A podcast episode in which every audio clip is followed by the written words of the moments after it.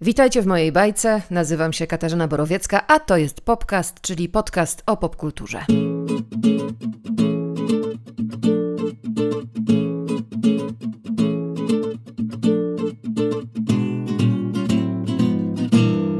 Podcaście interesuje nas to, co na ekranie i to, co na półkach, często także oczywiście w zestawieniu z szerszym kontekstem wydarzeń, ale na początek ukłon w Waszą stronę, patronusi i patronuski, bo tak pieszczotliwie się w tym gronie tytułujemy. Dzięki Wam łatwiej jest podcast tworzyć. Bardzo dziękuję. Podcast znajdziecie na Spotify, SoundCloud, YouTube i w aplikacji podcasty, a mnie i codzienne rekomendacje na facebookowym profilu podcastu i na moim profilu na Instagramie. No i nienachalnie przypominam, że podcast można współtworzyć dzięki serwisowi patronite.pl. Nasze 17 spotkanie będzie w dużej mierze poświęcone serialom, ale nie zabraknie też zaproszenia do kina i na festiwal filmowy, a ten festiwal to Transatlantyk, stworzony przez kompozytora Jana A.P. Kaczmarka, a tegoroczna edycja jest dziesiąta, jubileuszowa. Festiwal wędrujący, bo w tym roku po raz pierwszy po Poznaniu i po Łodzi odbędzie się w Katowicach, a że rok specyficzny, to i festiwal oczywiście w formule hybrydowej, więc nawet jeśli nie dojedziecie do Katowic, to w oglądanie można się włączyć w domu, a o festiwalu opowie jego programerka, krytyczka filmowa Ola Salwa. Spotkamy się też z Martą Karwowską, reżyserką, która jak do tej pory w swojej pracy skupiła się na młodych widzach. Jej film Terapaty 2, kontynuacja kryminalnej przygody Julki i Olka sprzed kilku lat, niedawno trafiła na duże ekrany. Znajdę złodzieja, uwolnię ciotkę, uwolnię pulpeta, a Olek mi w tym pomoże. Przed nami również spotkanie z Kają Szafrańską, znaną Wam zapewne doskonale z kanału Jakby Nie Patrzeć na YouTube. Wszystkiego, e, co chcecie wiedzieć o serialach, możecie się dowiedzieć na tym kanale, a z Kają przejrzymy jesienną ofertę na małym ekranie, bo jesień już w pełni. Mam nadzieję, że to wytniesz. Zanim na dobro wystartujemy, przeróżne podsumowania. Stan przeniesionych premier na początek października. Nie czas umierać, 25. film o Bondzie, ostatni z udziałem Daniela Craiga, wyreżyserowany przez Karego Fukunagę, zobaczymy najwcześniej w kwietniu 2021 roku. I ta formułka najwcześniej w jest chyba najbezpieczniejsza, bo właściwie trudno przewidzieć, co się wydarzy. Ale premiera Wonder Woman 1984 już kilka tygodni temu została przesunięta na koniec grudnia. W tym czasie wciąż jeszcze według pierwotnego rozkładu Duna Denisa Villeneuve'a ma wejść na ekrany, czyli w grudniu, w tym czasie, czyli w grudniu. Disney, przenosząc na 2021 rok premiery Czarnej Wdowy, prequelu Kingsman Pierwsza Misja, West Side Story Stevena Spielberga i kolejnej produkcji z e, uniwersum Marvela, czyli Eternals, te dwa ostatnie tytuły zobaczymy dopiero pod koniec przyszłego roku, pozostawił w kalendarzu na 2020 Śmierć na Nilu, to jest kolejna wizyta Kenneta Branaga w świecie stworzonym przez Agatę Christie. I Soul, czyli Co w duszy gra po polsku, nową animację od twórców W głowie się nie mieści. I am Detective Hercule Poirot, and I will deliver your killer. Przyszłoroczne daty dostały także kontynuacja Cichego Miejsca Johna Krasińskiego i The Many Saints of Newark, to jest prequel Rodziny Soprano. Premiery obu filmów planowane są na marzec, a w lipcu Top Gun Maverick. Nieznacznie na razie przesuwają się też premiery filmów zaplanowanych od początku na 2021, między innymi Batmana Matta Reevesa i biografii Elvisa Presleya w reżyserii Baza Lurmana. Just Nic nie wiadomo natomiast na temat premiery filmu Wesa Andersona The French Dispatch. Chodzą słuchy, że twórcy planują premierę na przyszłorocznym festiwalu w Cannes. I mimo tych wszystkich niepewności, w kinach jednak trochę się dzieje już teraz. Dokument Marcina Borcharta o Tonym Haliku, to Wam bardzo polecam. Nowy film Agnieszki Holland, realizowany w Czechach, Szarlatan. A 90-letni tytan kina, czyli Clint Eastwood, właśnie planuje wejście na plan, a więc jakoś to będzie. Zaczęła się jesień, a październik to, jak co roku, popkulturowy wstęp do Halloween. Uuu.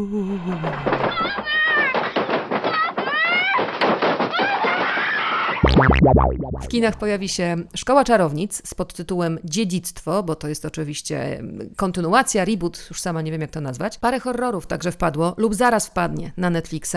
Serial Nawiedzony dom w Bly, czyli propozycja od Mike'a Flanagana, showrunnera Nawiedzonego domu na wzgórzu. I to nie będzie kontynuacja, bo Flanagan zdecydował się na modną antologię. Zwiastun tego serialu już wywołuje dreszcze, bardzo ciekawie się zapowiada. Powraca kilka znanych twarzy.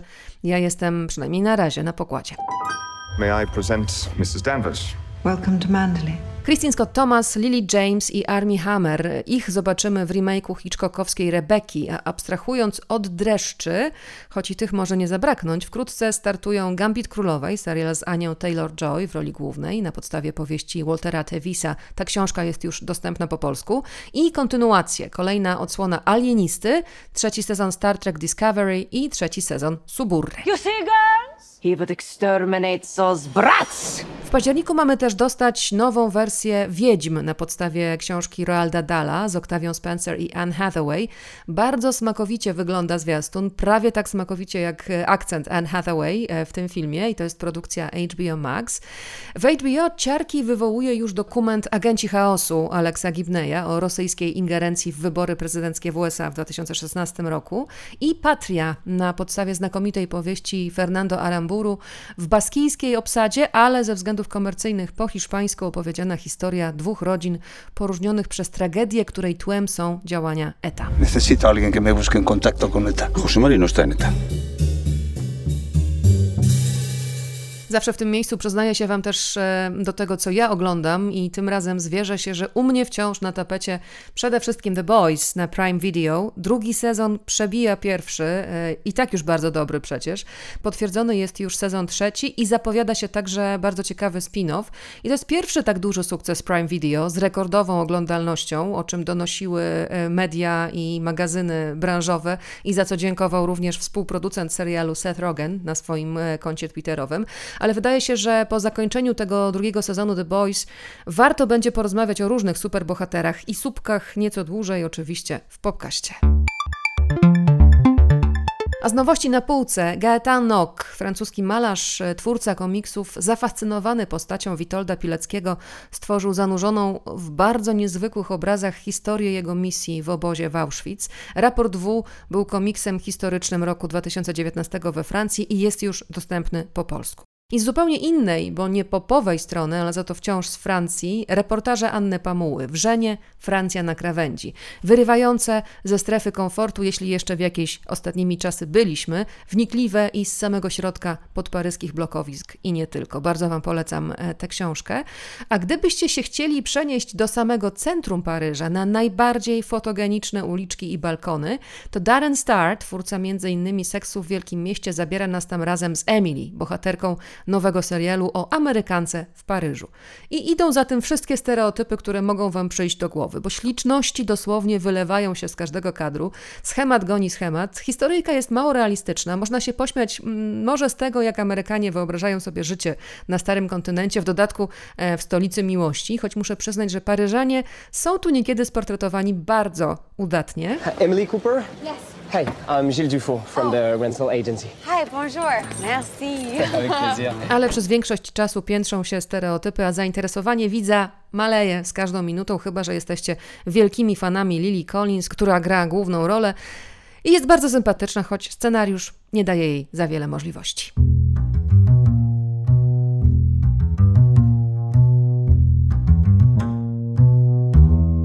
A teraz już pora na pierwszego gościa. O ile w radiu to zwykle goście przychodzili do mnie, a raczej do studia, o tyle przygotowując podcast, to ja odwiedzam gości. Kilka dni temu wybrałam się do kwatery głównej twórców kanału Jakby nie patrzeć, Kai Szafrańskiej i Janusza Raczyńskiego.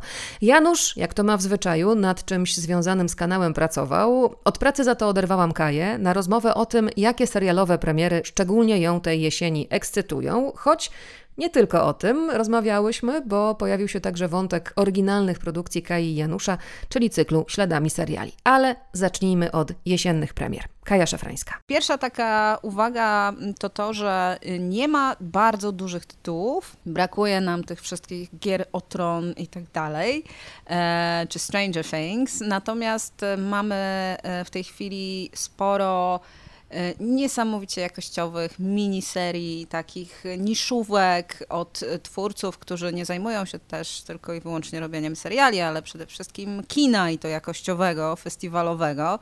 Mm, ale e, zacznę od e, takiego tytułu, który chyba jest najbardziej komercyjny z nich wszystkich, czyli Raised by Wolves, czyli Wychowane przez Wilki. To jest serial HBO Max właściwie, dystrybuowany w Polsce przez HBO Go, który już właściwie w tym momencie dobiega końca, dlatego że on jest tak ciekawie e, wpuszczany e, po dwa, trzy odcinki, dzięki czemu nie trzeba czekać e, z tygodnia na tydzień na kolejny odcinek, a jest to serial e, sygnowany nazwiskiem Ridleya Scotta i zresztą nie tylko sygnowany, bo również przez niego wyprodukowany i wyreżyserowany, ale tutaj akurat mówimy o pierwszych dwóch odcinkach. Jest to super produkcja, taka powiedziałabym mnie kojarząca się z Grą o Tron. Nie przez przypadek wspomniałam w ogóle o Grze o Tron. Ze względu na to, że mimo, że jest to historia dziejąca się gdzieś na odległej planecie i ona jest niby futurystyczna, ma w sobie bardzo dużo elementów takich średniowiecznych. Jest tam bardzo dużo elementów średniowiecznych, począwszy od y, set designu, który jest połączeniem właśnie średniowiecza z y, art deco, a skończywszy na y, wierzeniach, na ideologii, powiedzmy, która gdzieś tam się przewija w fabule.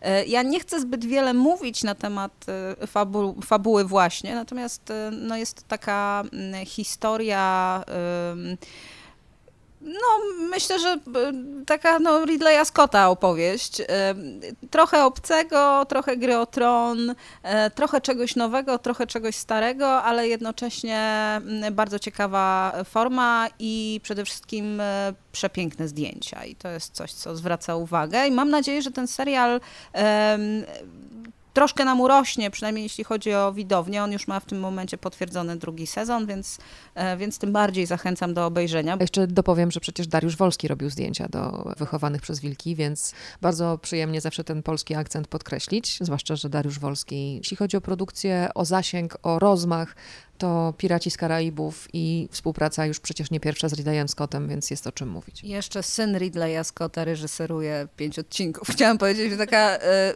rodzinna robota w przypadku tego serialu e, po prostu podąża tropem ojca i radzi sobie bardzo solidnie.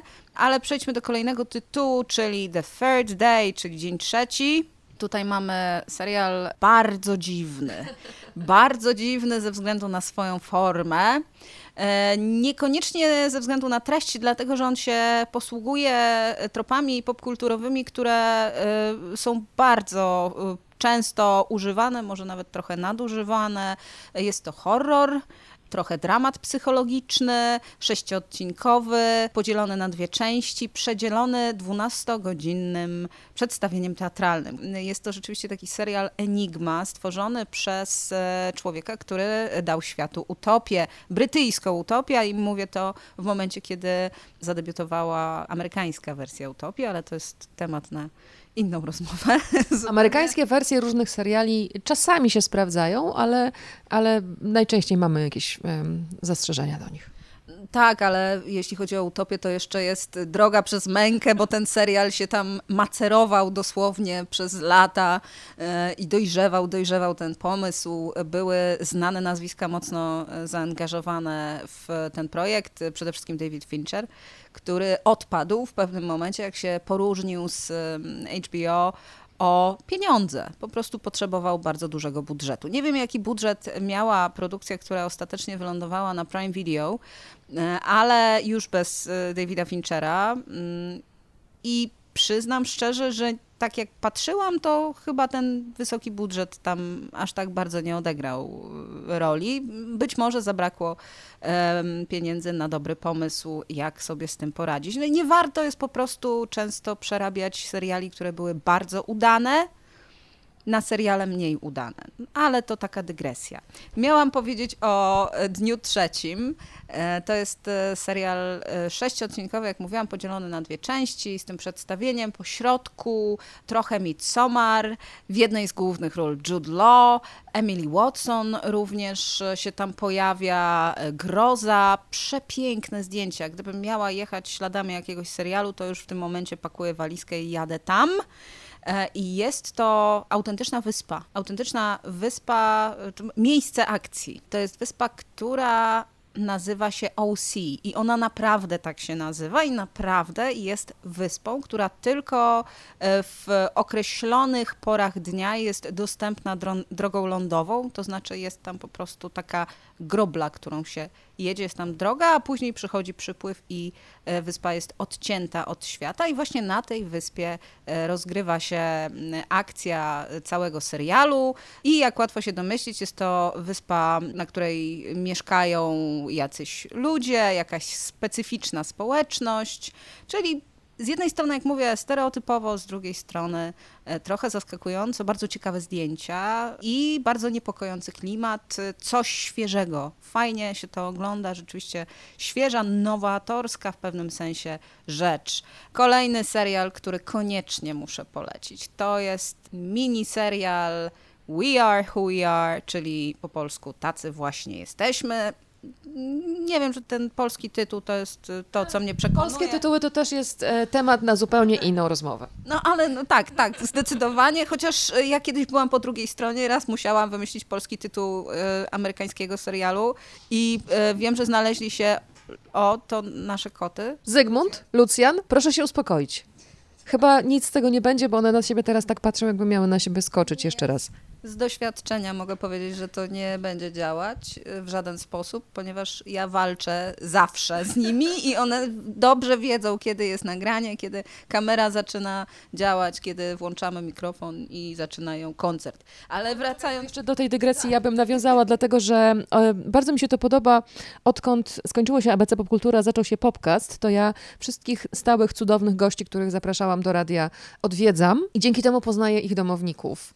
E, U Kai Klimek był Kmicic, który też uczestniczył w rozmowie. U Michała Śledzińskiego poznałam jego suczkę Franię, a tutaj u was jest po prostu, jakby nie patrzeć, i jest jeszcze Tosia, która jest cicha. U nas, tak, u nas są trzy koty. Ktoś y, kiedyś pięknie skomentował, o, ma trzy koty, na pewno panna. Ale y, stara. Natomiast y, chciałam jeszcze powiedzieć, że oprócz trzech kotów jest jeszcze Janusz, który siedzi po prostu ze słuchawkami na uszach i pracuje ciężko. Ale tak, są trzy koty o imionach Tosia, Lucjan i Zygmunt. I przejdźmy z powrotem. Kończymy te, bo ja dzisiaj mam skłonności do szkatułkowej konstrukcji, e, więc kończymy tę dygresję. Tak, wróćmy do We Are Who We Are, czyli tacy właśnie jesteśmy. No właściwie to jest Poczekaj, bo jeszcze była twoja dygresja, w którą ja ci weszłam w słowo. Musiałaś wymyślić e, tytuł. Nie powiem jaki, ponieważ to jest trauma mojego, mojej przeszłości i nie będę, nie będę jakoś rozwijać tego tematu bardzo, ale poczułam ból, bo ja wymyśliłam ten tytuł i byłam z niego dumna. Myślę sobie, tak, to jest to właśnie. Dobrze przełożyłam jedno na drugie. Nie był to tak do końca e, przekład dosłowny, raczej chodziło o e, wyjście z twarzą z sytuacji, kiedy trzeba się posłużyć e, i oryginalnym tytułem, i e, jakimś nawiązaniem po polsku. I ja to zrobiłam, a potem mówiono, że w ogóle co to za idiotyczne tłumaczenie i kto to wymyślił. I to ja wymyśliłam, więc ja łączę się od tamtej pory w bólu i stoję w rozkroku między tymi, którzy krytykują, a tymi, którzy są krytykowani. Którzy muszą wymyślać, ale ja jeszcze jedną dygresję sobie pozwolę, zanim pozwolę ci wrócić do serialu Luki Guadagnino, bo e, przypomina mi się taki żart prima aprilisowy jeszcze przed premierą filmu Doctor Strange, który z, został użyty i ktoś wymyślił, że polski tytuł tego filmu to będzie Doktor Dziwago. I ja do tej pory żałuję, że Doctor Strange nie nazywa się po polsku Doktor Dziwago. Ale nie wiem, czy wiesz, że Koniara jest taki film Koniara na Netflixie i to był tytuł, który wymyślili, bo to było chyba Horse Girl e, i to był tytuł wymyślony przez społeczność, przez widzów i oni tak przetłumaczyli. Stwierdzili, że tak, tak, oddamy głos po prostu społeczności, niech mają. No i mają, Koniara. Em, em, Tacy właśnie jesteśmy.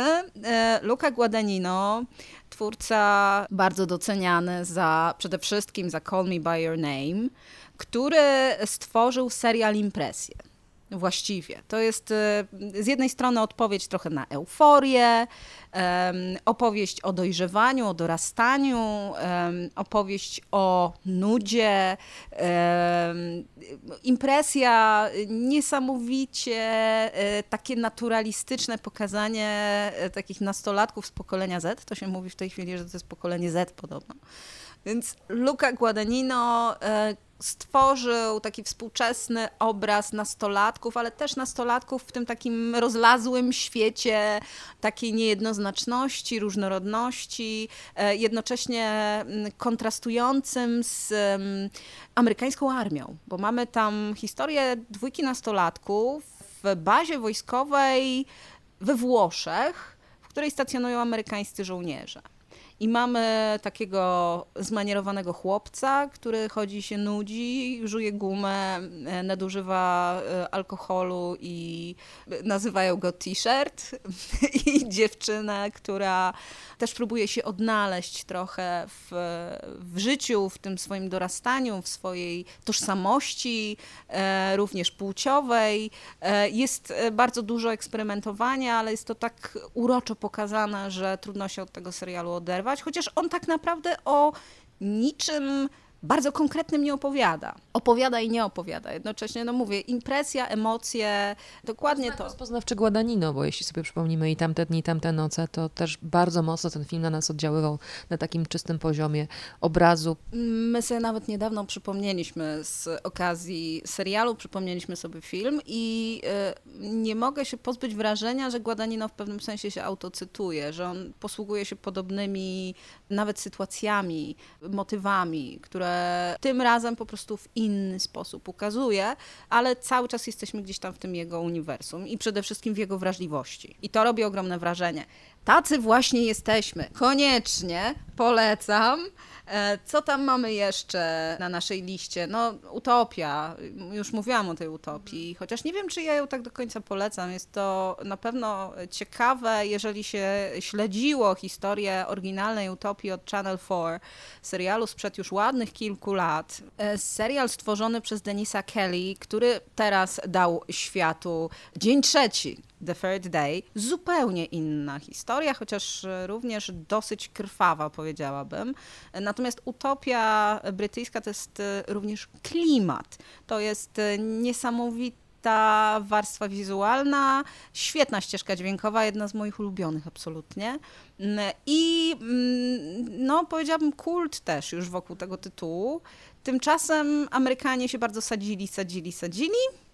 No i zrobili wreszcie zrobili. Coś, co ja w tym momencie jestem po obejrzeniu dwóch pierwszych odcinków i mogę powiedzieć, że wygląda jak e, taka usilna próba wytłumaczenia komuś, kto nigdy nie miał do czynienia z tą oryginalną utopią, w bardzo prosty sposób zawiłości fabuły oryginału.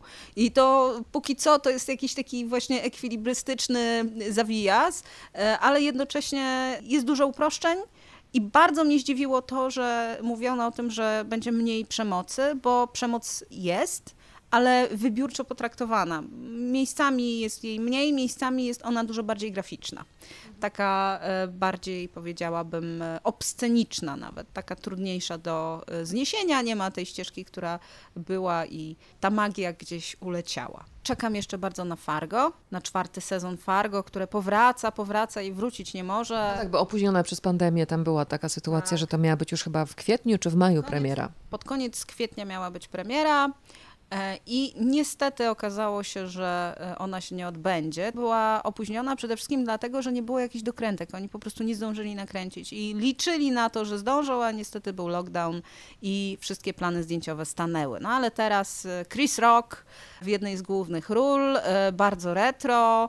Nie chcę skłamać, które to lata, 50. chyba, a może nawet wcześniej.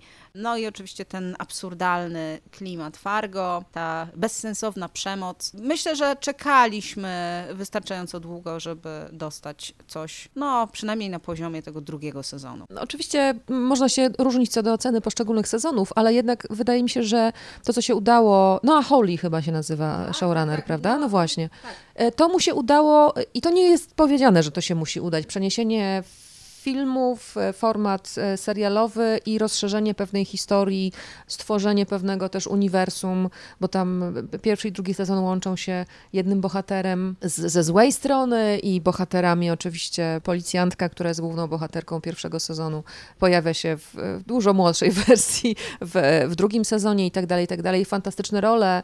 Iwan McGregor miał okazję zagrać braci bliźniaków w trzecim sezonie, więc za każdym razem dostajemy coś ciekawego i w każdym sezonie mam wrażenie coś satysfakcjonującego emocjonującego dla widza się znajdzie. Powiedziałabym tak. Przed chwilą rozmawiałyśmy na temat utopii i tego, jak się tam do świętości czasami nie warto dotykać. E, akurat e, jeśli chodzi o Noah Hawley, to on się również zmierzył z pewną świętością, bo zmierzył się z filmem, zresztą nagrodzonym Oscarem, e, braci Cohen. I, I tutaj bardzo wątpiono w to, czy to się uda. Tymczasem udało się wielokrotnie, bo po pierwsze, Mieliśmy świetny pierwszy sezon, który przeniósł nam akcję do współczesności, ale właśnie to jest tak naprawdę inspiracja. Fargo jest raczej punktem wyjścia. To jest bardziej jakiś koncept taki, powiedziałabym, etyczny, który tam e, cały czas się przewija w fabule. Chodzi właśnie o to bezsensowne zło, o ludzką głupotę. E, no i jest tam bardzo dużo absurdu w wydarzeniach, które obserwujemy. Są też, jest cała plejada przedziwnych bohaterów i bohaterek. Jest to świetna obsada. Cudowny Martin Freeman. Również. To pierwszy sezon. Tutaj mamy, mamy Martina Freemana. I pierwszy sezon się udał. Potem wątpiono, czy drugi sezon w ogóle ma sens, bo to akurat y, się pięknie wstrzeliło w y, pojawiające się takie pierwiosnki mody na antologię. Te antologie, gdzie każdy sezon opowiada inną zamkniętą historię. Tutaj Fargo ma taki koncept, że mamy zamknięte, właśnie hermetyczne historyjki, które owszem, tam tak jak zwróciłaś uwagę, że one się jakoś tam łączą tymi bohaterami, bohaterami, no ale trudno w nich e, doszukiwać się jakiejś kontynuacji. To są zamknięte wątki. No i drugi sezon y, Noah Hawley się udał. Trzeci sezon również się udał, chociaż to już nie było to. Być może y, ta formuła zaczęła się troszkę wyczerpywać, bo ileż można oglądać to samo, tylko w innym opakowaniu, bo to właściwie cały czas chodzi o przemoc, tą głupotę ludzką, to zło, które się kryje pod różnymi postaciami. Zobaczymy, co będzie w przypadku czwartego sezonu. Spodziewam się, że również będzie jakościowe, dlatego że Noah Hawley to jest w ogóle taki twórca, który ma złotą rękę do, do seriali, czego się nie dotknie, to zawsze wychodzi super. To on stworzył Legiona e, i zresztą myślę, że powrót do Fargo po tylu latach to jest też efekt tego, że Legion się zakończył. E, bardzo też hermetyczny serial superbohaterski. Warto iść śladami showrunnerów, bo Oczywiście możemy tutaj wymienić na przykład Ryana Murphy też, który jest showrunnerem bardzo płodnym, ale niekoniecznie wszystko. Natomiast jeśli chodzi o, o, bo chyba nie będziemy rozmawiać o Ratchet. Myślę, że możemy wykorzystać bardzo dobrze ten moment, żeby na przykład przestrzec e, osoby, które usłyszały o Ryanie Murphy albo pamiętają, że on stworzył przecież fenomenalne American Crime Story, tak e, swoją drogą również antologię i spodziewają się, że jego kolejne seriale to będzie jakieś wow. No cóż, e, Ryan Murphy podpisał gigantyczny kontrakt z Netflixem na wyprodukowanie iluś tam seriali i to niestety e, jest klasyczny przykład tego, że warto nie iść w ilość, tylko w jakość. E, on w tej chwili produkuje na potęgę. Wyprodukował, jak to się nazywa, The Politician. Wyprodukował Hollywood.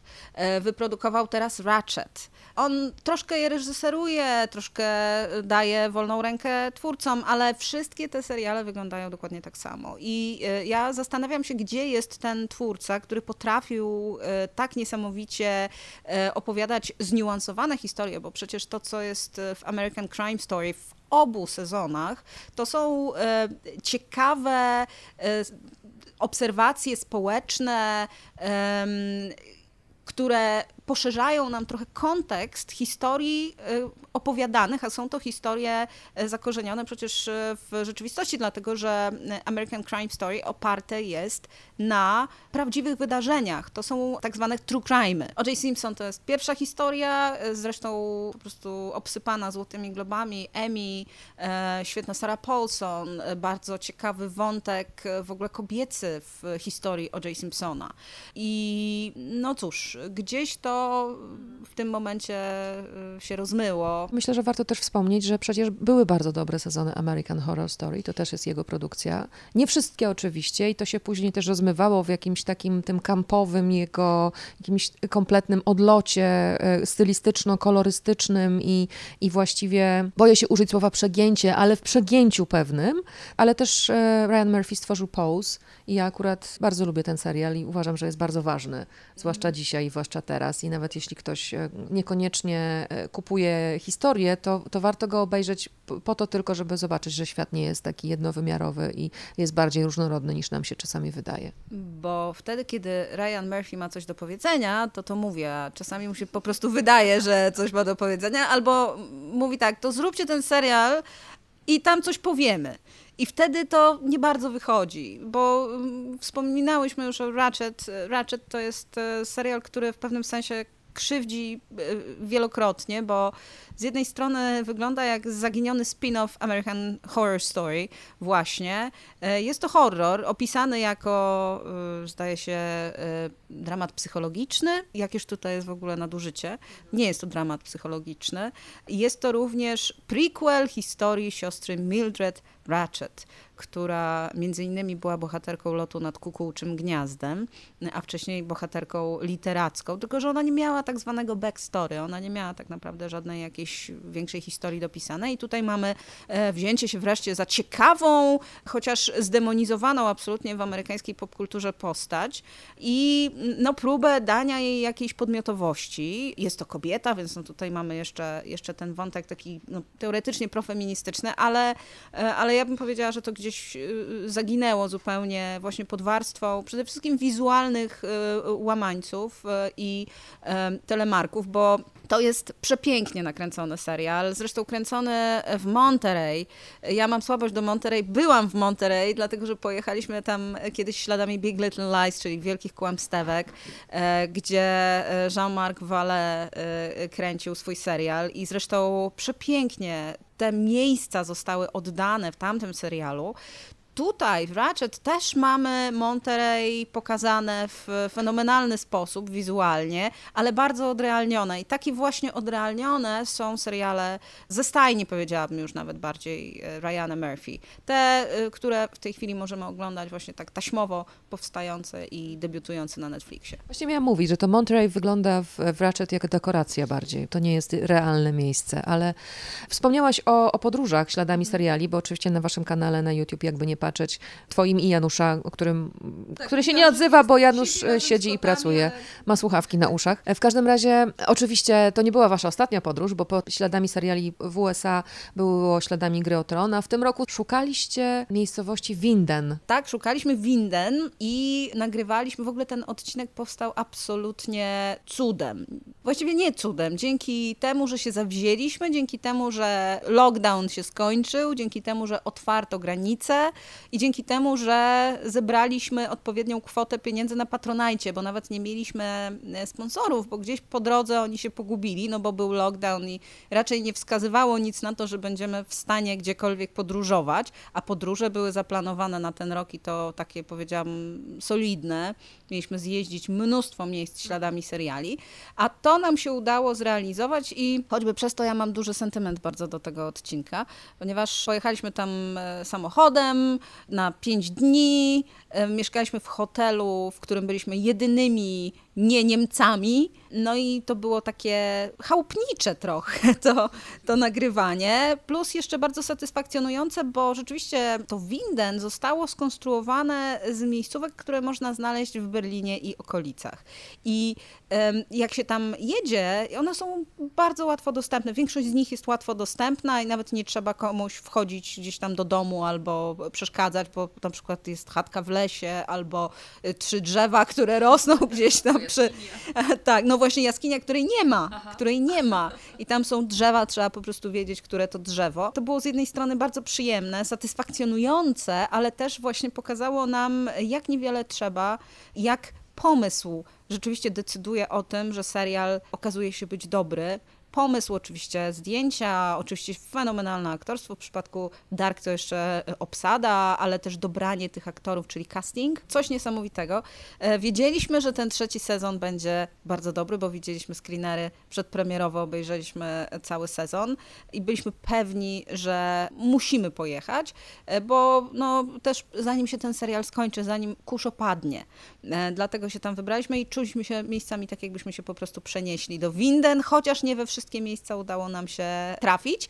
Mamy taką mapkę sporządzoną pod odcinkiem Śladami Dark. Wiem, że dużo ludzi już jeździ naszymi śladami y, i śladami Dark. E, Mamy mapkę, którą udostępniliśmy w internecie i ona jakiś ponad tydzień temu miała 23 tysiące odsłon. Więc myślę, że sporo osób się wybrało gdzieś tam, przynajmniej w te 3-4 miejsca, które są dostępne dla wszystkich. A jeszcze niedawno się pojawiły bloopersy z tego nagrywania. Bloopersy z, z, ze śladami gry o Tron.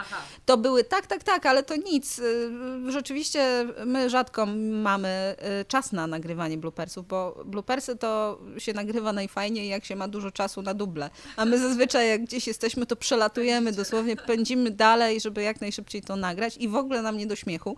E, Ale tak, coś tam Janusz wykroił z tego naszego materiału. I jeszcze tylko jedna uwaga, byliśmy przez cały czas chorzy.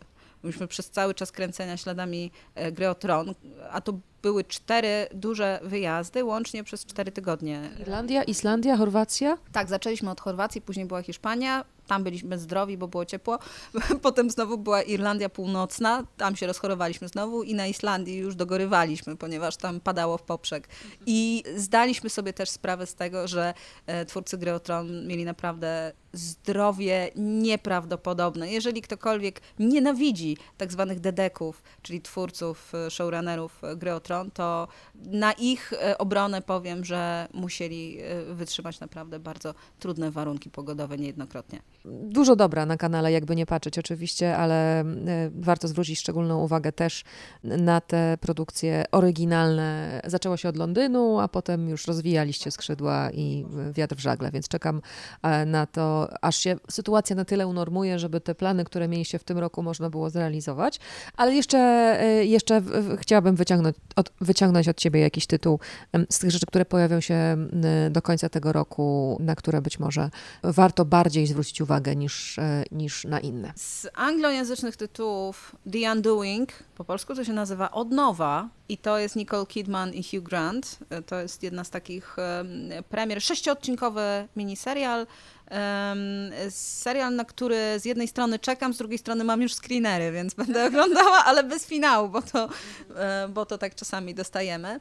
Proszę sobie zdać sprawę z tego, jak my cierpimy, my recenzenci. Dostajemy całe seriale bez finałowych odcinków. To jest po prostu, a potem trzeba czekać i czekać. Tak teraz na The Vow czekam, czyli na Przysięgę. Bardzo dobry miniserial dokumentalny, też taki true crime, to była dygresja. A teraz przejdę do tego serialu, o którym już rozmawiałyśmy off the record, czyli o Królu. E, Na Króla czekam. E, To jest e, premiera listopadowa, polska premiera, Jan P. Matuszyński na wokalu w pewnym sensie, reżyser w całości. To też jest ważne, bo w Polsce rzadko nam się zdarzają takie autorskie seriale. Oczywiście fabuła oparta na prozie Szczepana Twardocha, fantastyczna obsada. Póki co zwiastuny bardzo obiecujące, chociaż sugerujące nam troszkę coś w rodzaju polskiego Peaky Blinders takie awanturnicze, mroczne e, klimaty. Mm, Akcja serialu rozgrywająca się pod koniec lat 30., tuż przed e, wybuchem II wojny światowej. No i cóż, ja się e, na razie nastawiam bardzo pozytywnie na tą produkcję. Oczywiście nie, staram się też być realistką, ale słyszałam na temat tej produkcji bardzo dużo dobrego. Jeszcze e, z czasów, kiedy ten serial kręcono, słyszałam o jakichś e, mastershotach, czyli o jakichś takich bardzo długich, ekwilibrystycznych ujęciach, które tam się podobno pojawiają. Słyszałam, że reżyser przeczołgał ekipę po prostu po ziemi wielokrotnie, dlatego że musieli do perfekcji dopracowywać niektóre ujęcia. No ale jeżeli takie rzeczy słyszałam, to myślę sobie, że może i efekt będzie e, satysfakcjonujący, szczególnie, że postprodukcja też bardzo długo trwała, bo ten serial nakręcono jeszcze w zeszłym roku. Że to już dużo, dużo czasu minęło, no i w tej chwili już się rozkręca cała e, machina promocyjna, a że tych premier polskich nie mamy zbyt wiele. No w tym roku żadnych polskich dużych seriali nie było i e, no niestety koronawirus e, sugeruje, że długo jeszcze nie będzie, bo produkcja wielu tytułów stanęła albo jeszcze się po prostu nie zaczęła. Mm, No to cieszmy się z tego króla, który nadchodzi i miejmy nadzieję, że to będzie coś, co przynajmniej na jakiś czas te, te nasze apetyty zaspokoi. No mam nadzieję, że się uda. Król zadebiutuje 6 listopada. Oczywiście sporo się wokół serialu dzieje, a biorąc pod uwagę po pierwsze obsadę, po drugie twórców i to, jakim sukcesem była książka Szczepana Twardocha, dodam, przetłumaczona już na dziewięć języków, to trudno się dziwić, że wielu z nas na tę produkcję bardzo czeka. Kaja Szafrańska z gościnnym udziałem Tosi, Zygmunta i Lucjana z kanału Jakby nie patrzeć. Panie Karolu, policja! Co się stało? A teraz kinowa propozycja dla młodych widzów, w dodatku polska, co zawsze mnie cieszy, jako fankę kina wychowaną na filmach i serialach Stanisława Jędryki, które już w czasie mojego dzieciństwa nie były nowe. Polskie kino nie miało zbyt wiele propozycji dla młodych widzów przez co najmniej dwie dekady, ale w ciągu kilku ostatnich lat pojawiło się parę tytułów i grupa twórców, którzy do młodszej młodzieży wyciągają rękę. We wrześniu na ekrany weszła kontynuacja Tarapatów. To jest znowu przygodowa, kryminalna historia. Znowu mamy na ekranie dwójkę przyjaciół przyjaciół, Julkę i Olka, już parę lat starsi, wchodzący w okres dojrzewania. I czy ta kontynuacja była od początku planowana? Zapytałam reżyserkę i autorkę scenariusza Martę Karwowską. E, nie, zupełnie nie. Ja skończyłam robić pierwszą część terapatów z takim poczuciem, że to jest już opowiedziana historia, kropka postawiona.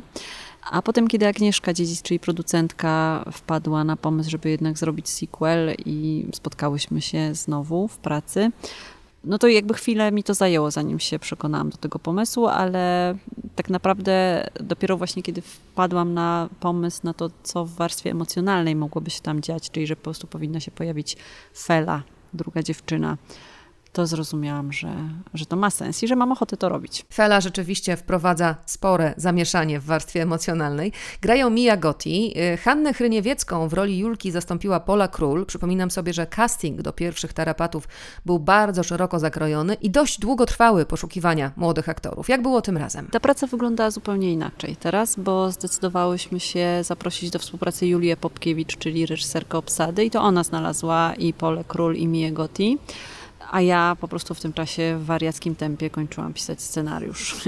Jakby był inny podział pracy. Trochę też to jest o tym, że ja y, przestałam mieć takie poczucie, że ja muszę zrobić wszystko i muszę wszystko kontrolować, bo tylko ja to zrobię. Też jakby nauczyłam się już, że to tak nie jest i że fajnie jakby y, ludzi mieć do pomocy i ich obdarzać E, zaufaniem większym i też dawać im więcej roboty, bo oni też po prostu czasem umieją robić lepiej niż ja różne rzeczy i lepiej ja na tym wychodzę i dokładnie tak się wydarzyło tym razem. Z młodymi aktorami Bywa trudno, jeśli za dużo czasu minie, bo oczywiście ten czas na ekranie płynie trochę wolniej, przynajmniej w zamierzeniu twórców, niż u nas. E, I tutaj przypomina mi się oczywiście kazus Stranger Things.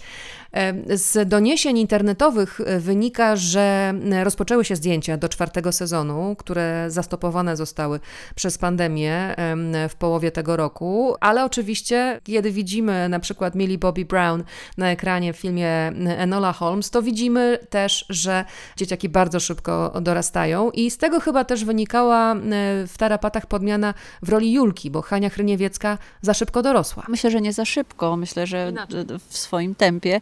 E, Hania jest po prostu młodą kobietą już i oczywiście była moim natychmiast pierwszym typem. Znaczy to jakby było oczywiste, że będziemy robić ten film razem, ale kiedy zaczęłyśmy pracować e, na próbach, to okazało się, że ona ma po prostu energię młodej kobiety i to myślę, że i jakby Hania też nie czuła się już komfortowo w roli wesołej nastolatki, która ma przeżywać przygody, a ja też miałam poczucie, że to zupełnie już nie jest ta energia, która jest potrzebna akurat w tym filmie. To bardzo to była trudna decyzja dla mnie, no ale to rzeczywiście po prostu już... Hania jest, z Hanią można zrobić film o studentce, a, a nie o, o nastolatce. Teraz ci chciałam zapytać, e, pamiętam, kiedy ostatnio rozmawiałyśmy, to, ogląda, to rozmawiałyśmy trochę o tym, czy, nad czym ty się wychowywałaś, jeśli chodzi o, o, o kino dla młodego widza i i oczywiście ten wątek, jeśli chodzi o polskie kino dla młodzieży e, takiej młodszej, powiedzmy, to jest myślę cały czas aktualne i cały czas e, czekamy na to ostateczne przebudzenie, bo to już widać przy Twoich filmach Mariusza Paleja i, i tak dalej, i tak dalej. Ale jednak mimo wszystko jest jakiś niedosyt po tym wszystkim, na czym my się wychowałyśmy. Więc chciałam cię zapytać, wiedząc, że ty masz dwójkę dzieci, jakie filmy oglądasz ze swoimi dziećmi? Bardzo różne rzeczy. I rzeczywiście to jest tak, że ja mam takie poczucie, że to jest teraz jakby moja robota, żeby ich tak wyedukować filmowo i że czego teraz dotkną, no to potem też będą tym zainteresowani. Mm, różne rzeczy. Oglądam oczywiście w ogóle bajki na Netflixie, na HBO. To jest, teraz są fanami Harmi Domu na przykład. A jeśli chodzi o mm, fabuły, to też znowu to jest bardzo różne. Oglądamy i Harry'ego Pottera i oni, znaczy moje starsze dziecko, córka kocha, a Tomek młodszy na przykład nie, ale też oglądaliśmy Blues Brothers jakiś czas temu, który, bo ja też jestem leniwa i lubię oglądać z nimi to, co ja lubię oglądać, więc na przykład właśnie mogę z nimi obejrzeć Blues Brothers po lubię ten film. I, I oni byli zachwyceni, do tej pory śpiewają piosenki, także to... Fantastycznie rozwijające, jeśli chodzi o gust muzyczny, jeśli chodzi w ogóle o horyzonty takie właśnie amerykańsko-bluesowe i rock'n'rollowe, bo tam przecież i Ray Charles się pojawia, i Aretha Franklin. Super, fantastyczny film rzeczywiście. Ale trochę oczywiście to pytanie e, miało prowadzić do kolejnego wątku, czyli do tego, żeby trochę porozmawiać o tym, czy w ogóle polskie kino ma szansę nadrobić tę zaległość, która się pojawiła jakoś w latach 90., kiedy to kompletnie było niekomercyjne, żeby robić filmy dla młodych widzów. Ale to, co się działo w latach 70. czy 60., e, zastanawiam się w ogóle, jak dla młodego widza jest atrakcyjna jeszcze taka formuła retro, jak Podróż za jeden uśmiech, czy, czy Stawiam na tolka banana i tak dalej, i tak dalej.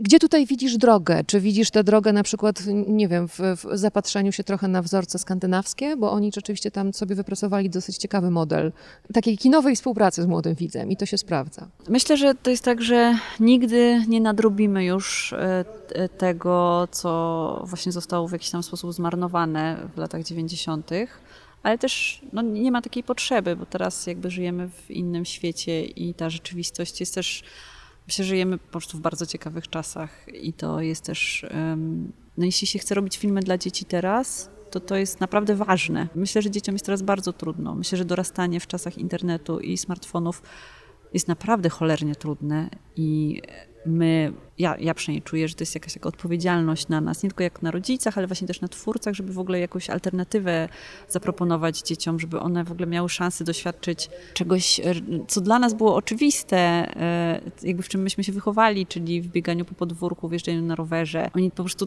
tego nie mają. To jest jakiś rodzaj ekskluzywności. Teraz to jest strasznie smutne dla mnie i się w ogóle boję też o to, jak będzie wyglądał świat za 20 lat, e, kiedy dorosłymi będą dzieci, które się wychowują teraz. Naprawdę mam stracha. Wiadomo, że nie ma co demonizować, ale, e, ale trochę tak jest. To jest jakaś taka, to jest jak eksperyment społeczny w ogóle, mam wrażenie, to co się dzieje teraz. Tak, także wydaje mi się, że to jest jakby to jest ważne, to co my proponujemy dzieciom teraz, nie tylko jeśli chodzi o film, ale też jeśli chodzi o muzykę, jeśli chodzi też o literaturę dla dzieci. Ja kompletnie nie, jakby nie, nie mam poczucia, że jest jakiś taki jeden model, że na przykład właśnie jest kino skandynawskie, które jest świetne i to dziecięce kino skandynawskie jest wybitne, ale ja nie mam poczucia, że to, co teraz polscy twórcy muszą zrobić, to jakby naśladować skandynawskich twórców.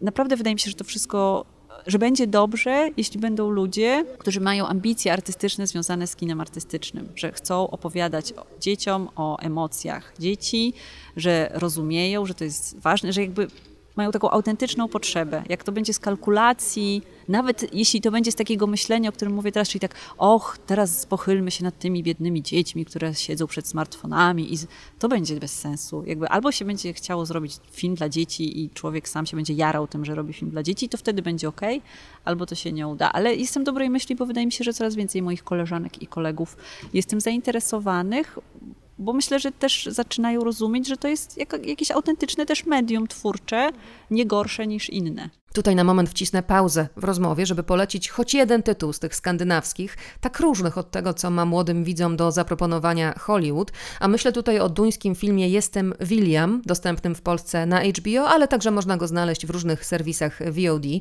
To jest film o zwykłym, choć rezolutnym chłopcu, który pomaga wyjść z finansowych i nie tylko terapatów swojemu wujkowi, u którego mieszka podczas pobytu mamy w szpitalu. Tym, którzy szukają propozycji dla swoich dzieci, polecam także poszperać się w programach festiwali filmowych dla młodych widzów. To jest poznańskie Ale Kino z wielkimi tradycjami festiwal, czy warszawskie Kino w Trampkach albo Festiwal Kino Dzieci. Tam znajdziecie bardzo dużo propozycji dla wszystkich grup wiekowych. A my wracamy do rozmowy z Martą Karwowską, reżyserką filmów Tarapaty i Tarapaty 2. Nasze dzieciństwo, bo jesteśmy mniej więcej w jednym wieku, przypadło, czy tam do, dojrzewanie takie wczesne, nastoletnie, przypadło na taki moment, że rzeczywiście tego nie brakowało, mimo że to były lata 90., ale te wszystkie rzeczy, które teraz już wydają się naprawdę retro, one cały czas działały. Ja pamiętam, że podróż za jeden uśmiech to był absolutnie hit każdych wakacji i ja marzyłam o tym, żeby wyruszyć w podróż autostopem. Też mam ochotę zapytać, czy, czy to zainteresowanie i ten twój zwrot e, w stronę e, tych filmów dla młodego widza to było planowane, czy to, to jakiś taki impuls był, który, który stwierdziłaś, że wykorzystasz? Nie, nie, to był zupełnie impuls. Ja po prostu szukałam tematu na film, kończyłam Łódź. Moja przyjaciółka opowiedziała mi o takich właśnie gangu nianiek, złodziejek, starszych pań. Po prostu to była historia, która przydarzyła się jej znajomym z Saskiej Kępy w Warszawie i ona mnie zelektryzowała, bo jakby natychmiast zrozumiałam, że to jest prześmieszne, a równocześnie też trochę straszne że to jest idealny punkt wyjścia. Ja wtedy myślałam, że to w ogóle powinien być z tego serial taki przygodowo-kryminalny dla dzieci. Z takim pomysłem na serial trafiłam do Agnieszki Dziedzic i jakby wspólnymi siłami już żeśmy przekuły to w fabułę. To, ile osób ten film zobaczyła, to było ponad 320 tysięcy w kinach, to też dla mnie jest jakiś taki sygnał, że ten głód y, retro, o którym mówisz, jest i że, y, no, znaczy ten film, pierwsze tarpaty są jeszcze bardziej retro niż drugie.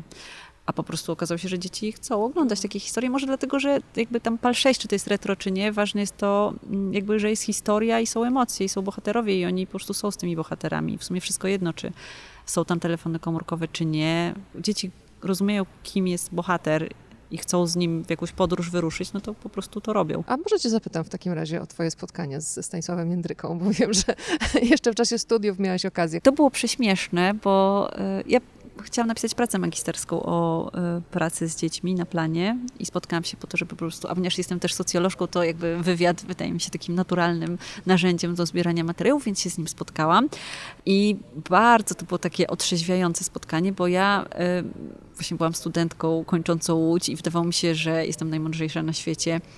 Okazało się, że no on po prostu jest jakąś skarbnicą wiedzy też, y, że miał jakąś taką, miał jakiś taki, dał mi jakieś kilka takich rad, z których ja do tej pory korzystam. Jedną z najważniejszych było to, jak bardzo ważna jest obsada w filmie dla dzieci, casting, że on powiedział dokładnie tyle, właśnie tyle, ile dostaniesz od dziecka na początku, tyle dostaniesz przez cały film. Jakby nie, nie da się potem wyciągnąć więcej. To jest jakby oczywiste teraz, jak o tym myślę, ale wtedy to było dla mnie zaskakujące. Więc e, no tak spokorniałam po tym spotkaniu. Zresztą ja naprawdę myślę, że te filmy Jędryki e, w stylu Wakacje z duchami, one są bardzo dobrze zrobione. I to, są, to, jest, to, to jest dobre kino.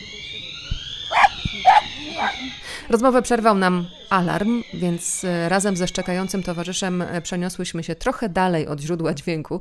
Zapytałam wtedy o szczegóły pracy nad drugą częścią tarapatów. Cała historia zaczyna się od kradzieży obrazu Claude'a Monet, Plaża w Pourville. Kręciliśmy trzy miesiące, mieliśmy 37 dni zdjęciowych, takich rozstrzelonych właśnie w ciągu trzech miesięcy. Zdjęcia się zaczęły chyba 16 sierpnia 2019, a skończyły w, chyba 12 listopada w Poznaniu. E, kończyliśmy, film kończyliśmy tą otwierającą sekwencją, czyli kradzieżą w muzeum. Wszystkie te właśnie sceny muzealne e, realizowaliśmy w muzeum prawdziwym, dokładnie w tym miejscu, gdzie ten obraz e, jest, gdzie został skradziony 20 lat temu, czyli w Muzeum Narodowym w Poznaniu, który jest jakby nie, ma niesamowite wnętrze i w ogóle jest świetnym muzeum, polecam. Tam jest super, super, super ekspozycja to jakby miało swoje plusy i minusy.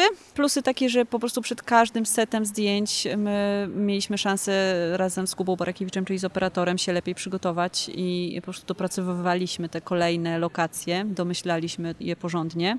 Minusy były takie, że to po prostu było bardzo e, męczące, to znaczy myśmy byli naprawdę bardzo zmęczeni i też jest coś takiego, że jest taka rozbiegówka zawsze w czasie zdjęć i my po prostu w tę rozbiegówkę wpadaliśmy nie raz, tylko w sumie chyba pięć razy, czyli jakby pięć razy ta maszyna ruszała, ludzie się znowu musieli docierać i znowu tam te pierwsze dwa dni były takie e, troszeczkę e, wolniejsze niż by się chciało. Dużo bardzo fajnych osób przy tym filmie pracowało, fajnych, mówiąc fajnych mam na myśli takich zdolnych i e, którzy też bardzo dużo dali od siebie. Wspaniały duet scenograficzny Marysia i Jędrzej Kowalscy, oni są, no wspaniałą tam robotę zrobili. No właśnie Kuba Borakiewicz, z którym też robiliśmy, pierwszy raz razem pracowaliśmy, ale to ba bardzo to było owocne, tak czuję. I y, też świetne kostiumy Agnieszka Biderman zrobiła. Nawet nie potrafię powiedzieć, jak, jakby rzeczywiście było tak, że jakoś ludzie chyba zrozumieli, o czym ta historia jest i, y, i mieli ochotę coś dodać od siebie. Ale jeszcze jedna rzecz na koniec, bo oczywiście jest też y, cała plejada fantastycznych aktorów dorosłych w tym filmie. Jest Zamachowski, oczywiście Joanna Szczepkowska wraca jako ciocia. Jest Sandra Korzeniak, jest Tomek Ziętek, ale jest też Justyna Wasilewska. I zastanawiam się, czy nie masz takiego pomysłu, żeby ten etiutkę właściwie, którą Justyna tam zagrała, pięknie napisaną, pięknie zagraną, rozwinąć w jakąś szerszą historię. Jesteś kolejną osobą, która o tym mówi. Po prostu do, właśnie dorośli widzowie chyba wychodzą z tego filmu przede wszystkim z Justyną Wasilewską pod powiekami. E, no tak, Justyna zrobiła super rzecz. To też taka wdzięczność. My się znamy ze studiów w ogóle z Łodzi z Justyną, e, więc e, też jakoś udało mi się ją dość szybko namówić na to, żeby zagrała epizod w tarapatach i jestem strasznie szczęśliwa, no bo oczywiście zrobiła to wspaniale i to jest rzeczywiście strasznie śmieszne. Ale ja myślę, że w ogóle to jest dobry przykład, to co Justyna zrobiła, na to jak niesamowicie ważna jest obsada epizodów, że to w ogóle nie jest tak, że to są mniej ważne postacie albo role, tylko właśnie im lepszy aktor y, się wciela w taką postać, tym w ogóle masza. No przecież ona zrobiła jakby coś z niczego tak naprawdę, z jakiejś dwustronicowej sceny. Zrobiła po prostu pełnowymiarową postać. No to jest niesamowite, ale właśnie do tego trzeba talentu i charyzmy Justyny żeby coś takiego się udało. To co dalej? Hmm? E, no, bo rzeczywiście pracuję teraz nad jakimś kolejnym. No to jest w ogóle bardzo przyjemny moment, bo mam kilka pomysłów w głowie, a to jest zawsze fajnie mieć kilka pomysłów i jakąś taką ufność, że się udaje wcielić w życie. Jedno trochę jest dla e, takich starszych dzieci, ale właśnie nadal jeszcze dzieci. Też jest jakiś pomysł na film dla dorosłych. Zobaczymy, co z tego wyniknie. No, wszystkie dzieci, które oglądają, bo już też chodzimy na jakieś spotkanie z publicznością, to rzeczywiście wszystkie dzieci pytają o trzecie tarapaty i no, gdzieś tam za gołą. No, ale zobaczymy, to jakby jest za trudne też, no nie, nie ma się co oszukiwać, że jest e, no, ultra trudna teraz sytuacja w, z powodu pandemii. E, nie wiadomo, ilu widzów się odważy na to, żeby pójść do kina, też jakby rozumiemy to, i... ale mimo wszystko namawiamy w maseczkach, chyba jest bezpiecznie. też namawiam, jest cała akcja, chodź do kina. Zachęcam też serdecznie. Jeszcze powiedz, kto nam towarzyszył przez cały czas tej rozmowy? Towarzyszył nam pies Puffin, czyli e, znaleziony pies właśnie w czasie tarapatów. E, mój pies, najwspanialszy pies na świecie. Puffin, powiedz coś. Nie chcę powiedzieć, ale powąchał. Bardzo sugestywnie powąchał mikrofon. Pufin tym samym dołącza do podcastowej galerii czworonożnych gości, a o filmie Tarapaty 2 opowiadała jego reżyserka Marta Karwowska. Przed nami jeszcze słowo o festiwalach filmowych. Za nami świetna hybrydowa edycja Dogs Against Gravity. Przed nami jeszcze w tym roku listopadowe odsłony połączonych Nowych Horyzontów i American Film Festival, Azjatyckiego Festiwalu Filmowego Pięć Smaków, Festiwalu Camera Image i oczywiście grudniowa Gdynia i Festiwal Polskich Filmów Fabularnych. A już trwa w Katowicach dziesiąta jubileuszowa edycja stworzonego przez Jana A. Kaczmarka festiwalu Transatlantyk, nomen omen, bo to festiwal podróżujący po Poznaniu i Łodzi przeniósł się w tym roku do Katowic. A że rok specyficzny to i wyzwania spotęgowane.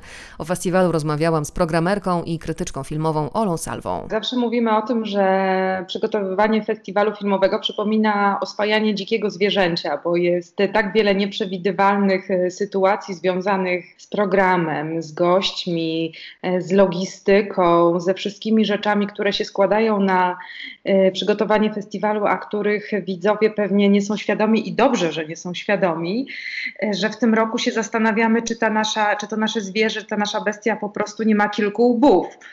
Bo kiedy zapadła decyzja w, zeszłym roku, że na zaproszenie marszałka Śląska przenosimy się na Śląsk, do Katowic, bardzo się ucieszyliśmy, bo czujemy tutaj wspaniałą, mocną, nową energię płynącą i z regionu, i ze, ze szkoły filmowej imienia Krzysztofa Kieślowskiego, ale też byliśmy świadomi tego, że czeka nas bardzo trudne wyzwanie, dlatego właśnie przenieśliśmy festiwal na październik, bo nasze e, takie typowe daty to w poprzednich latach lipiec, czerwiec e, i sierpień, bo zawsze lubiliśmy mieć różne wydarzenia pod gołym niebem. E, I trochę nam sytuacja pandemii ułatwiła sprawy związane z organizacją, w tym sensie, że nam się po prostu bardzo poszczęściło, że przełożyliśmy festiwal na październik, zanim jeszcze była taka konieczność.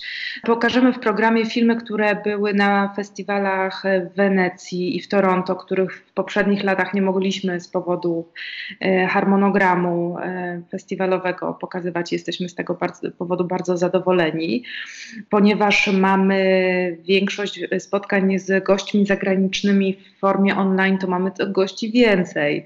Ja jestem jednak z tej drużyny optymistów, którzy starają się znaleźć w tej sytuacji jak najwięcej plusów, jak najwięcej pozytywów. W takim razie parę tytułów z tej listy pozytywów z sekcji konkursowej. Na otwarcie mamy nowy film François Ozona, lato 85 roku i, i bardzo się cieszę, że akurat ten film taki pełen słońca, muzyki, ale też y, melancholii i takich trudniejszych emocji y, otworzy tegoroczny festiwal, który właśnie odbywa się w takim specyficznym roku, że właściwie taki powrót do wspomnień i do przeszłości wydaje się najbezpieczniejszym miejscem, bo o przyszłości niewiele tak naprawdę wiemy, a teraźniejszość ciągle nam stawia nowe wyzwania. To jest właśnie lato 85, taki bardzo pogodny, słoneczny film. No tak jak mówię, na Łozona oczywiście jest to, jest to trącone mrokiem, ale świetnie się ten film ogląda i bardzo się cieszę, że polska premiera tego filmu e, jest u nas. Wśród 27 pozostałych tytułów e, chciałabym kilka wyróżnić, takich, o których już wielokrotnie mówiliśmy w różnych e, naszych zapowiedziach, ale to są naprawdę takie nasze odkrycia. Jednym z nich jest norweski film Nasze dzieci ponad dwu i pół godzinna opowieść o uczniach y, szkoły podstawowej, ich rodzicach, ich bliskich, o całym takim mikrosystemie społecznym, który pokazuje w jaki sposób dziedziczone są pewne postawy, w jaki sposób zmienia się społeczeństwo i zmienia się to, co jest akceptowane, na przykład poglądy z jednej strony sceny politycznej są na przykład dużo bardziej akceptowane niż z drugiej i, i reżyser bardzo ciekawie to śledzi. Z Wenecji przyjeżdża do nas Miss Marx, panna Marx. Chodzi oczywiście o córkę tego Marksa, tego Karola Marksa, Eleanor, najmłodszą, taką jego ukochaną córkę, która też była krzewicielką jego idei sufrażystką i mm, bojowniczką o, o prawa dzieci, które były nielegalnie zatrudniane w fabrykach. Chociaż w zasadzie trudno powiedzieć, czy to było nielegalne, skoro nie było właściwie prawa na ten temat spisanego. Film jest e, zrobiony w takim duchu bardzo współczesnym, bardzo y, punkowym. Jeżeli pamiętasz taki film Niko 1980, który był kilka lat temu też na festiwalach, to to jest ta sama reżyserka.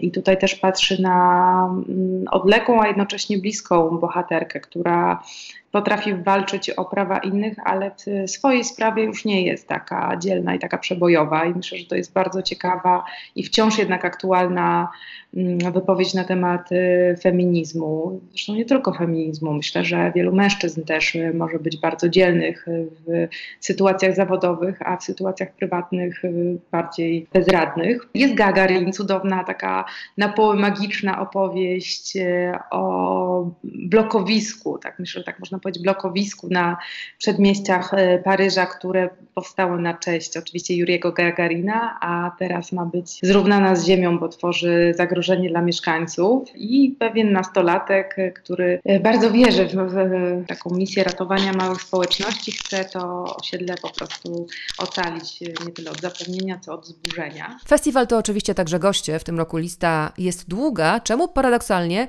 pomaga pandemia, bo łatwiej umówić spotkanie przez internet niż sprowadzić wszystkich gości na miejsce, a o dwóch najważniejszych nazwiskach Ola Salwa. Ken Loach e, jest laureatem e, takiej specjalnej nagrody, którą przyznajemy już e, po raz czwarty. To się nazywa Fiprecki Platinum Award i to jest nagroda, można powiedzieć, za całokształt, Przyznaje je bardzo prestiżowe grono krytyków. W poprzednich latach laureatami tej nagrody byli Lucrecia Martel, Sally Potter, a rok temu e, Arthur Ripstein. I to, co zawsze podkreślamy, co jest naszym powodem do dumy, to to, że jesteśmy jednym z dwóch festiwali na świecie, które przyznają tą nagrodę taką za całokształt. Jesteśmy przeszczęśliwi, że Ken Loach zgodził się przyjąć y, tą nagrodę, zgodził się wybrać specjalnie dla naszych widzów y, pięć, pięć filmów i zgodził się też na masterclass który z powodu sytuacji pandemicznej będzie transmitowany z Londynu. Bardzo się też cieszymy, że ten masterclass po, poprowadzi taka legenda brytyjskiej krytyki filmowej Derek Malcolm. Bardzo się też cieszę, że nasze zaproszenie na masterclass przyjął e, William Friedkin. Jego film Egzorcysta będzie pokazywany w kinie nocą i pokażemy też film dokumentalny o egzorcyście i o tym, jak William Friedkin robił egzorcystę. Tytuł tego filmu to na wiarę egzorcysta Williama Friedkina i też odbędzie się spotkanie z reżyserem Aleksandrem e, Filipe, który specjalizuje się w takich opowieściach o filmach. Natomiast sam Friedkin mam nadzieję, że odpowiadając na pytania Nila Younga, uwaga, e, krytyka i kuratora, nie tego słynnego muzyka, e, opowie nie tylko o egzorcyście, no bo wszystko, co miał do powiedzenia, tak naprawdę powiedział w filmie, ale trochę o filozofii robienia filmów, być może o o innych tytułach, o francuskim łączniku, czy w ogóle takiej swojej pracy nad, nad materiałem i nad tym, w jaki sposób y, można tak bardzo bezkompromisowo i uparcie dążyć do celu, bo właśnie ta, ten film e, na wiarę był, był takim właśnie e, bardzo ryzykownym projektem. Dzisiaj uznajemy to po prostu za klasykę kina, ale kiedy zobaczycie, e, do czego zachęcam film na wiarę, będziecie mogli się przekonać, jak rzeczywiście wiele zależy i od szczęścia, i od siły przebicia reżysera, i od tego, z kim pracuje, na jakich partnerów może liczyć. Miałam już okazję zobaczyć ten film o powstawaniu egzorcysty. To jest rzeczywiście pasjonująca opowieść reżysera. Pojawia się tam także e, wątek muzyki, to mnie szczególnie zainteresowało, pewnie Was to nie dziwi, bo egzorcysta nie ma oryginalnej ścieżki dźwiękowej, chociaż były próby jej napisania i to pochodziły od wielkich nazwisk, ale E, William Friedkin na te nazwiska się nie zdecydował, za to natrafił w pewnym momencie na przykład na dzwony rurowe Mike'a Oldfielda, ale my nie o tym mam mieszane uczucia, jeśli chodzi o festiwale w dobie pandemii, mieszane, ale bardzo pozytywne. To znaczy, z jednej strony oczywiście e, jesteśmy skazani na to, że, e, że nie odbywa się to tak jak zazwyczaj, że, że ta atmosfera festiwalowa może inaczej e, w nas wybrzmiewać, oczywiście, bo zawsze to jest inna sytuacja, kiedy są pełne sale i wszyscy żyjemy tą samą energią, ale z drugiej strony, dzięki temu, że festiwal się odbywa hybrydowo i też trochę online, więcej osób, które być może do Katowic by nie dotarły w tym roku, akurat akurat może uczestniczyć w festiwalu. Więc jakbyś mogła też powiedzieć o tej hybrydowości i o tym, e, co będzie dostępne przez internet i jak można będzie w festiwalu uczestniczyć. Festiwal, właśnie tak mówimy, że e, widzowie mają do wyboru, czy, e, czy uczestniczą w nim w kinie, czy w domu własnym. Na platformie Moje Ekino będzie, myślę, że większa połowa filmów. Część z nich może być pokazana tylko w kinie ze względu na prawa i ze względu na licencję, bo to, z czym się też mierzymy w tym roku, przygotowując festiwale w internecie bądź w tej właśnie formie hybrydowej, to są po prostu prawa. Nie każdy dystrybutor się zgadza na to, żeby film był pokazany w internecie, zanim e, pokaże się na e, jakiejś popularnej platformie VOD. E, no, niestety film otwarcia, właśnie film François Ozona, będzie dostępny tylko, tylko w kinie w Katowicach, a za kilka miesięcy też w kinach w całej Polsce, bo to jest film, który ma polskiego dystrybutora, firma Against Gravity, więc ci z Państwa, którzy będą mieli ochotę obejrzeć film, a nie mogą dotrzeć do Katowic, po prostu będą mogli poczekać na, na polską kinową premierę. Sporo filmów mamy, w, tak jak powiedziałam, w tej części online, bo mamy po prostu dwie sale kinowe. Nasz harmonogram jest dostępny na stronie internetowej. Nawigacja jest dosyć prosta. Powiem Państwu, że większość filmów konkursowych, większość filmów y, z sekcji Kalejdoskop, czyli takich, które miały już jakieś tam pojedyncze polskie y, seanse wcześniej i wszystkie filmy krótkometrażowe. Dziesiąty Festiwal Transatlantyk trwa. Zajrzyjcie na stronę internetową po szczegóły, bo oczywiście Ola Salwa nie opowiedziała tutaj o wszystkim.